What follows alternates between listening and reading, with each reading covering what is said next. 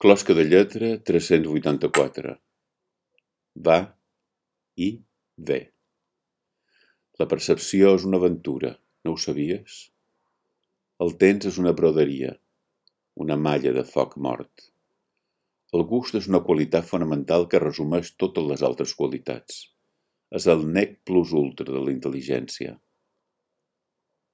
Cerca-les totes l'art del detall i col·lecciona frases que em puguin posar la lupa de la llengua a l'enfocament més just per a una visió més clara. Estic desarticulador perquè el món està desarticulat, per la qual cosa voldria donar als mots, als accents, a les xerrades internes, als vols lírics sobtats, al pensament arriscat com una espasa, una força de trons i llans, de pluja de clauet, de maleficis enigmàtics, de fantasmes provocadors, de sacsejos salvatges de la natura, de secrets vergonyosos descoberts, de cadàvers amarat de culpabilitat. Una veu múltiple que doni un nom al sense nom. L'aire enverinat canta. El vell és lleig, el lleig és vell, el vertader és fals, el fals és vertader. Com vius, llegeixes. No ho sabies? Fes el cap viu, encara que hi hagi molt de llibres, creu-me, poca gent llegeix. I entre els que llegeixen, n'hi ha molts que només fan servir els ulls. Si t'equivoques sobre el tempo d'una frase de mestre Nietzsche, t'equivoques sobre el seu sentit. El tempo i el timpà connecten saber viure, saber escoltar, saber parlar, saber llegir. Cal repetir allò que sabem però oblidam. Per saber escriure cal haver llegit i per saber llegir cal saber viure.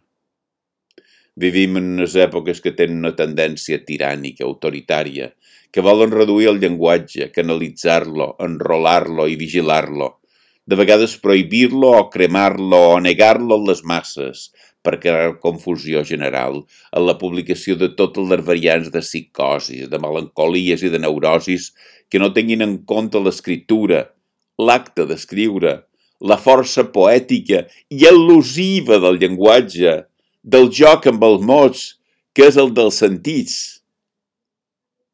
Ens volen col·lectius, robotitzats, amb un catecisme de valors buis. I com que la lectura és l'acte més individual que hi ha, m'atreviria a dir que més que l'acte sexual, podem entendre que sigui un perill enorme per a tota inquisició real o virtual. Per què no volem tenir una consciència aguda i dramàtica de la irreversibilitat del temps? La vida són molt de dies, un i un altre. Quan es pon el sol, fa un oratget suau al jardí i puc contemplar, com un espectacle senzill i complet, la desaparició de la llum.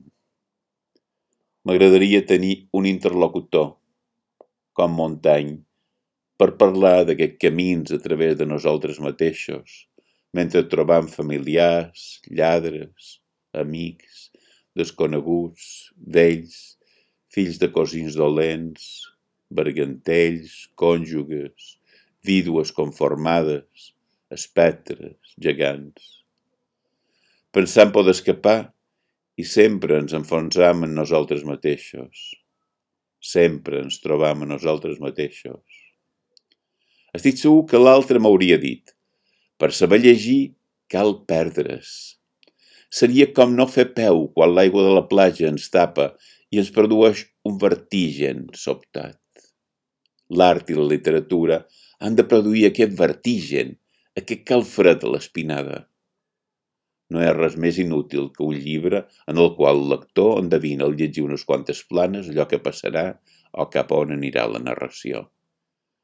Potser hauríem d'escoltar els savis antics quan ens diuen que el lector entra en un laberint en el qual es combinen el motiu tancat de la tronyella i l'obert de l'espiral, sense que un s'imposi a l'altre. El laberint es presenta com una topologia en què es fa perpètuament correspondre l'interior i l'exterior, l'envers i l'endret, el pròxim i el llunyà, el centre i la perifèria. De cop la nit m'envolta per totes bandes. Estic tot sol. Mira el cel i veig les estrelles que han caçat les branques dels ullastres.